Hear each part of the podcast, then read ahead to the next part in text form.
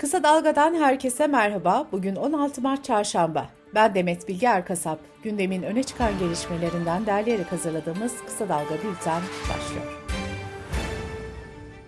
AKP ve MHP'nin önceki gün meclise sunduğu seçim kanunu teklifiyle ilgili tartışmalar sürüyor. Taslak, seçim barajının %10'dan %7'ye düşürülmesi, seçime girmek için mecliste grup olma şartının kaldırılması gibi değişiklikler içeriyor. Düzenlemedeki en tartışmalı madde ise ittifakların vekil sayılarını belirleme sürecine ilişkin teklif oldu. Buna göre siyasi partiler seçim çevresinde gerekli oy oranına ulaşmadan içinde bulunduğu ittifakın artık oylarından faydalanarak milletvekili çıkaramayacak. Metropol Araştırma Şirketi'nin kurucusu ve yöneticisi Özer Sancar bu maddeyi şöyle yorumluyor. Seçim yasası Millet İttifakı'ndaki küçük partileri CHP listelerinden seçime girmeye zorlar. Bu durumda sahip oldukları 5-6 puanlık oyun yaklaşık üçte biri CHP listesine oy vermeyip AKP'ye geri gidebilir. İkinci olarak muhalefetin Cumhurbaşkanı adayını belirlemesini etkiler. Üçüncü önemli etkisi de birçok ilde MHP adaylarının AKP listesinden seçime girmek zorunda kalması olur. Yani bir taşla üç kuş. Bakalım Millet İttifakı bu durumdan zarar görmeden çıkmayı becerebilecek mi? Halk TV.com.tr yazarı İsmail Saymaz'ın dünkü köşe yazısında aktardığına göre CHP Genel Başkan Yardımcısı Oğuz Kağan Salıcı, AKP'nin seçimde birinci olacağı ve daha fazla milletvekili çıkaracağı inancıyla bu teklifi getirdiğini vurguluyor. Salıcı, 2018'deki seçim sonucuna göre hesap yapıyorlar. Ancak AKP de MHP de eriyor. Bu hesap yanlış diyor.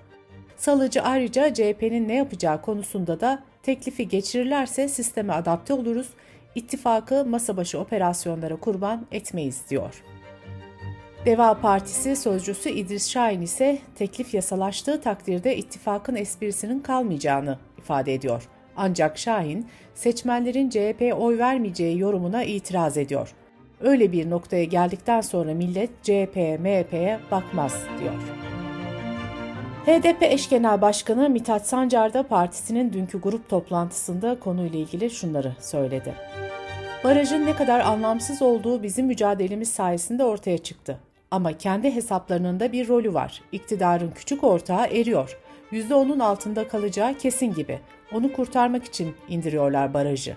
Bu hesap işe yaramayacaktır. Seçim kanunu teklifini MHP'li Fethi Yıldız'la birlikte açıklayan AKP Genel Başkan Yardımcısı Hayati Yazıcı teklifle ilgili şunları söyledi. Vatandaşlar sırf seçimin sonucunu değiştirmek için ikametini değiştiriyordu. Seçmen olarak hareketlenmeyi engelleyici bir yöntem getirdik.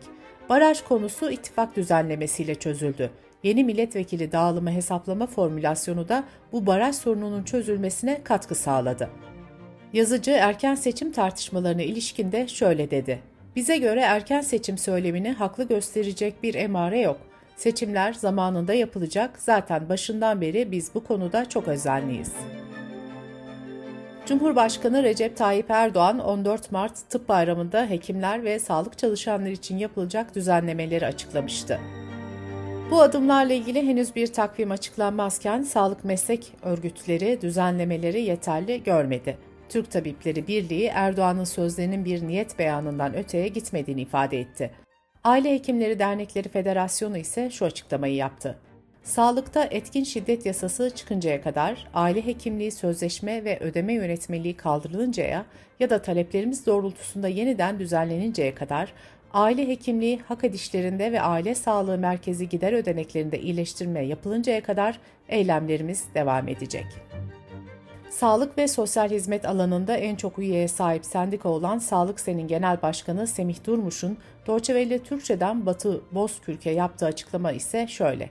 Temennimiz bir an önce düzenlemelerin hayata geçirilmesi. Türk Sağlık Sen'in Genel Başkanı Önder Kahveci de bu düzenlemelerin ete kemiğe büründüğü tasarı hali çok önemli. Daha fazla beklenmemeli dedi. MHP Genel Başkanı Devlet Bahçeli partisinin grup toplantısında Türk Tabipleri Birliği'ni hedef aldı ve şu ifadeleri kullandı. Diyorlar ki hekimlerimiz Türkiye'yi terk ediyorlarmış. Kalbi vatan sevgisiyle çarpan hekimlerin gittiği yok. Türk Tabipleri Birliği'ne bakarsak Türkiye sağlıkta çoktan iflas bayrağını çekmiş. Eğer bu ülkeden gitmesi gereken birileri varsa Türk Tabipleri Birliği'nin yönetimine çöreklenmiş bir avuç bölücü ve Türkiye karşıtıdır. Gidişleri olsun da dönüşleri olmasın. Bunlar dışında giden olursa keyifleri bilir.'' Bahçeli geçen hafta tweetler atarak CHP lideri Kemal Kılıçdaroğlu'nun Diyarbakır gezisini Antalya'daki Ukrayna-Rusya görüşmelerini kundaklama girişimi olarak değerlendirmişti. Kılıçdaroğlu da bu tweetlere emoji ile yanıt vermişti. Bahçeli bu polemiğe devam ederek emojiyi bırak ergenler gibi davranmaktan vazgeç. Kafanın içindeki asıl gündem nedir ondan bahset, emoji seni kurtarmaz dedi. CHP lideri Kemal Kılıçdaroğlu'nun grup toplantısı da Bahçeli'den sonraydı. CHP lideri Bahçeli'ye şöyle yanıt verdi. Ben Türkiye'nin her noktasına giderim, alnım açık giderim. Bu ülke için, vatanım için, bayrağım için giderim. Ama sen gidemezsin. CHP lideri konuşmasında hekimlere de şöyle seslendi. Az kaldı merak etmeyin, bütün haklarınızı alacaksınız. Sizi yurt dışına gitmeye zorluyorlar, gitmeyin. Burada kalacaksınız, beraber biz göndereceğiz.'' Sağlık Bakanlığı 10 bini sözleşmeli sağlık personeli ve 10 bini sürekli işçi olmak üzere toplam 20 bin alım yapacağını duyurdu. En fazla alım yapılacak kadrolar sözleşmeli personelde 5175 kadro ile hemşire, sürekli işçide ise 4032 kadroyla temizlik görevlisi olacak. İstanbul Emniyet Müdürlüğü Taksim'de 14 Mart etkinliği sırasında 90 yaşındaki Doktor Erdinç Köksal'ın yere düştüğü arbedeyle ilgili açıklama yaptı. Hekimlerin polislere yönelik fiziki taşkınlıkta bulunduğunu öne süren emniyet, Doktor Erdinç Köksal'ın da polisin yardımıyla yerden kaldırıldığını belirtti. Açıklamada iddia edildiği gibi gruba görevlilerimizce herhangi bir müdahalede bulunulmamıştır denildi. Muğla'da Pınar Gültekin'i katleden Cemal Metin Avcı'nın delilleri gizleyip yok ettiği iddiasıyla tutuksuz yargılanırken itiraz üzerine tutuklanan kardeşi Mertcan Avcı, avukatının itirazı üzerine tahliye edildi. Gültekin'in ailesi tahliye tepki gösterdi ve artık mahkemeye katılmak istemiyoruz. Defalarca reddi hakim istedik, bu dünyada istediğimiz tek şey adalet, başka bir şey istemiyoruz dedi. Savcılık ise dün akşam saatlerinde tahliye kararına itiraz etti. Meteoroloji Genel Müdürlüğü yeniden soğuk hava uyarısı yaptı. Bugünden itibaren Türkiye yeni bir soğuk hava dalgasının etkisi altında kalacak. Güney kesimler hariç birçok bölgede kar yağışı görülecek.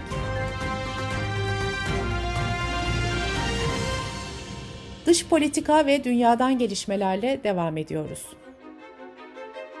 Rusya'nın Ukrayna'ya yönelik işgal harekatı sürerken Ukrayna Devlet Başkanı Zelenski, Rusya'nın Ukrayna'da beklemediği bir direnişle karşılaştığını söyledi. Zelenski, Rus askerlerine silahlarını bırakma çağrısı yaptı. Askerlerin evdeki aileleriyle yaptıkları telefon görüşmelerini dinlediklerini söyleyen Zelenski, hayatta kalmak istediklerini biliyorum dedi.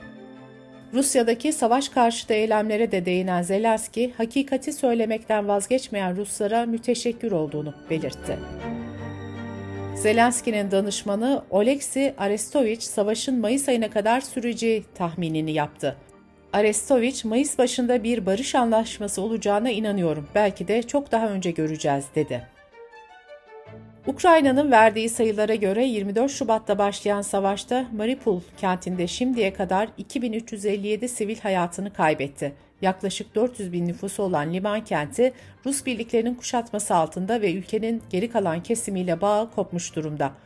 Rusya ise saldırılarda sadece askeri hedeflerin vurulduğunu öne sürüyor. Avrupa Birliği üyesi ülkeler Rusya'ya yönelik dördüncü yaptırım paketi konusunda anlaştı. Amerika ise Rusya'da savunma alanında 11 üst düzey temsilcinin daha yaptırım listesine eklendiğini duyurdu. Japonya'dan da milletvekilleri de dahil olmak üzere 17 Rus'a yaptırım kararı geldi. Rusya Dışişleri Bakanı Lavrov, ABD'nin yaptırımlarının sıradan vatandaşları hedef aldığını söyledi.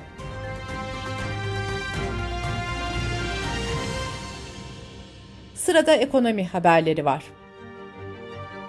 Türkiye İstatistik Kurumu tarım ürünleri üretici fiyat endeksini açıkladı. Buna göre endeks Şubat'ta bir önceki aya göre %13.74, geçen yılın aynı ayına göre %68.49 arttı. Ocak ayında yıllık %52 artarak 11 yıllık endeks tarihinin rekorunu kıran tarım üfe, Şubat ayında da rekor tazelemiş oldu. Bütçe Ocak ayından sonra Şubat ayında da fazla verdi. Hazine ve Maliye Bakanlığı verilerine göre Şubat ayında bütçe fazlası 69.7 milyar lira oldu. Şubat ayında merkezi yönetim bütçe giderleri 200.8 milyar lira, bütçe gelirleri ise 270.6 milyar lira olarak kaydedildi. Rusya-Ukrayna savaşı ile birlikte 131 dolara kadar yükselen Brent petrolün varil fiyatı dün itibariyle 101 dolara kadar geriledi. Bu gelişmede müzakerelerde ilerleme sağlanması ve Çin'de koronavirüs vakalarının artması belirleyici oldu. Petrol fiyatlarındaki düşüşe bağlı olarak motorin fiyatlarında indirime gidildi. İstanbul'da motorinin litre fiyatı 22.81 liradan 2 lira 38 kuruşluk indirimle 20 lira 543 kuruş seviyesine geriledi.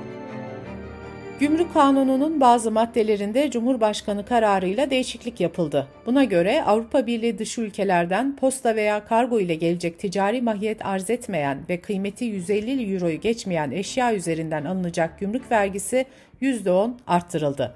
Kitap veya benzeri basılı yayınlar için uygulanacak maktu gümrük vergisi ise sıfır olacak.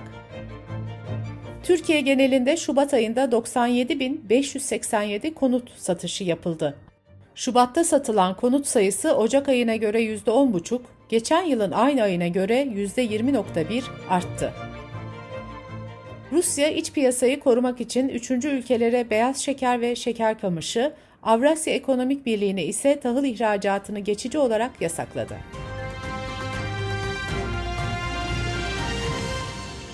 Bültenimizi kısa dalgadan bir öneriyle bitiriyoruz. Gazeteci yazar Timur Soykan'ın gazetecilik hayatımda karşılaştığım en garip cinayet dediği olayın dava dosyasını satır satır okuyarak hazırladığı podcast'te kısa dalga.net adresimizden ve podcast kanallarından dinleyebilirsiniz.